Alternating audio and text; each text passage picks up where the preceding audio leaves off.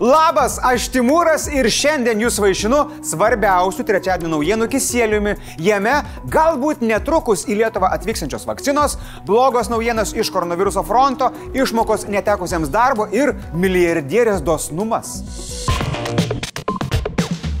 Tie, kas dar neparašėt laiškų kalėdų seneliui, dabar puikia proga. Jei Europos vaistų agentūra patvirtins Pfizer vakcinas nuo koronaviruso anksčiau, Lietuva pirmoji siunta gali pasiekti jau per kalėdas. Kaip pasakytų Marai Kerry, All I want for Christmas is you. Gamintojų yra ir daugiau. Turėsime ir modernos, o vėliau ir AstraZeneca preparatus. Lietuva pasirašė sutartį su šešiomis farmacijos kompanijomis. Bus nupirkta daugiau kaip 7 milijonai dozių siekiant paskiepyti apie 70 procentų populacijos. Pirmosios Pfizer BioNTech vakcinos bus pristatomas per 2-3 paras į visas valstybės vienu metu. Iškart po registracijos Europos vaistų agentūroje. Tai čia kaip kalėdų senis iš esmės per vieną naktį visą pasaulį apkeliauja. O kol jos dar tik pakeliui, vykdomi laikymui reikalingų priemonių ir įrangos viešieji pirkimai. Ir štai čia jau man neramu, rankos dreba, širdis permuša, nes pagal gerą lietuvišką, nu šiaip blogą lietuvišką tradiciją, visi mūsų viešieji pirkimai dažniausiai pasibaigia kur? FNTT bilelėse. Todėl įdėmiai Blitz patarimai. Nepirkit nieko iš kažkokios lavkos ar vaskos prieš savaitę registruoto UABO. Ir nieko tris, kad brangiau nei rinkos kaina. Dar patikrinti, ar tiekėjas nėra nuotabene arba koks Andriaus Mitskaus biznelis. Kitai bus bėdų, garantuoju, duodu dantį. O. Pirmosios vakcinos pasieks penkias pagrindinės ligoninės kovojančias su pandemija. Tačiau tiek santariškių, tiek Kauno klinikų vadovai nerimauja, kad kiekio gali nepakakti. Medikai bus skiepėjami pirmieji, tada globos namų gyventojai ir asmenys vyresni nei 80 metų. Šį etapą planuojama pabaigti iki kovo pabaigos. Tai jeigu viskas pasiseks, per Velykas nieks jūsų nelaikys ir galėsite vykti pas babą, kalėdų dovanų susirinkti ir kiaušinių pamargyti. Du zuikiai vienu ukolu. Na kągi, atėjo laikas ir man pranešti apie naujus koronaviruso rekordus. Kol kas tą sėkmingai darė mano kolegos. O bauginantis praėjusios poros skaičiai atrodo štai taip. Ne, nekomentuokite, kad įvesti apribojimai nieko nepadarė, nes apribojimai prasidėjo tik šiandien, o jų rezultatą anksčiausiai galėsime pamatyti po poros savaičių. Dabar matome valstiečių pakazuhos rezultatą ir matome ne tik mes, o ir visas pasaulis, nes The New York Times duomenimis pagal savaitės sergamumą 100 tūkstančių žmonių esame pirmoje vietoje pasaulyje. Pasaulyje.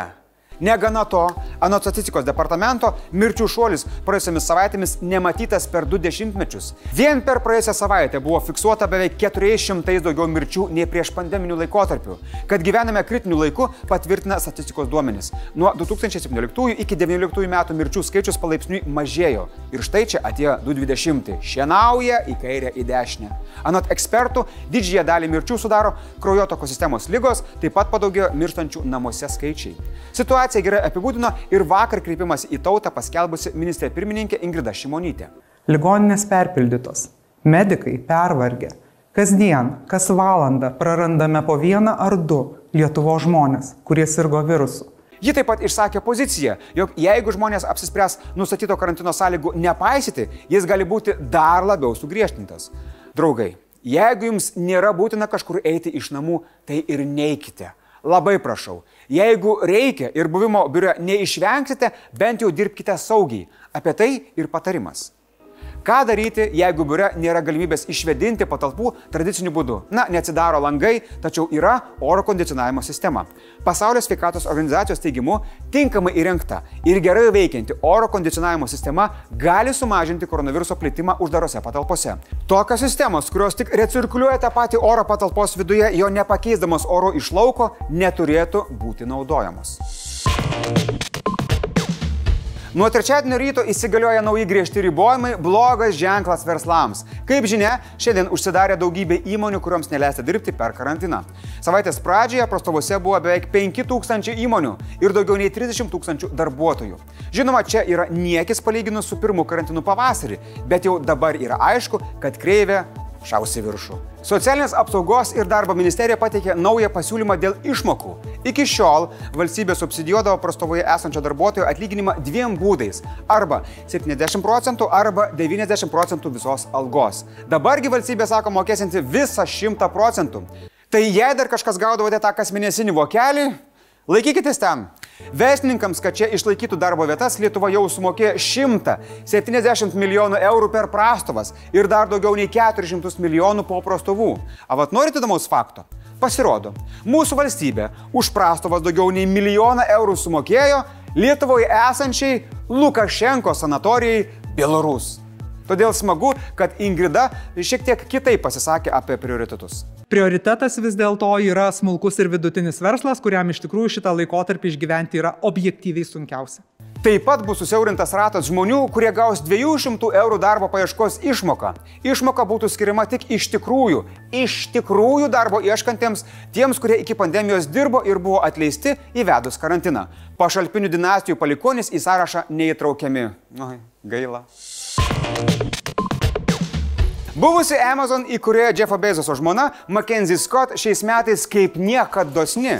Per keturis mėnesius įvairiems paramos labdaros fondams bei nepelno siekiančioms organizacijoms, padedančioms nuo koronaviruso nukentėjusiems amerikiečiams, ji paukojo daugiau kaip 4 milijardus dolerių. Didžioji dalis pinigų pas Scott atėjo pernai po skirybų. Iš turtingiausio pasaulio vyrų ji gavo ketvirtadalį Amazon akcijų ir tapo trečia turtingiausia moterimi pasaulyje ir bent jau man pačia seksualiausia. Mackenzie Mm, mm. Jos turtas šiuo metu vis dar viršyje 50 milijardų dolerių.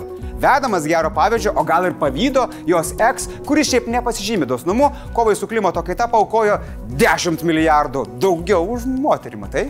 Atsižvelgiant į tai, kad pandemijos metas kaip niekad buvo sėkmingas internetiniai priekybai ir ypač Amazonui, šis platus gestas yra kaip nu, monetos metimas į fontaną. Sėkmiai pritraukti. Tik ar ne per vilu, ponas Bezosai? Na, laikas parodys. Krizės akivaizdoje ir kiti verslininkai, sportininkai ir visuomenės veikėjai neslėpė pinigų koinėse, o skirdavo geriems darbams. Bilas Geitsas su žmona paukojo daugiau nei 300 milijonų vakcinos kūrimui.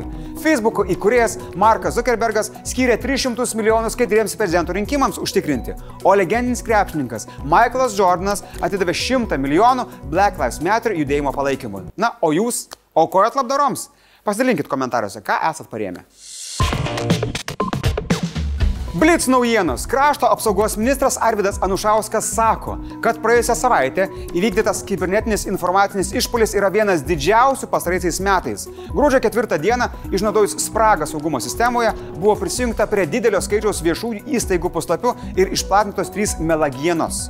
Vokietijoje per parą patvirtinta rekordiškai daug - 952 mirtis. Nuo šiandien šalyje įsigalioja griežtasis karantinas, uždaromos mokyklos ir visos gyvybei nebūtinos parduotuvės ir verslai.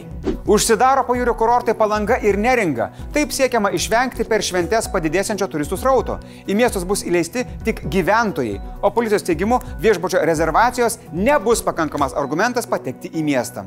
Palanga jau nuo šiandien blokuoja visus kelius į miestą. Šiaip jie yra tik 3 ir pagaliau tai yra geras faktas apie palangą.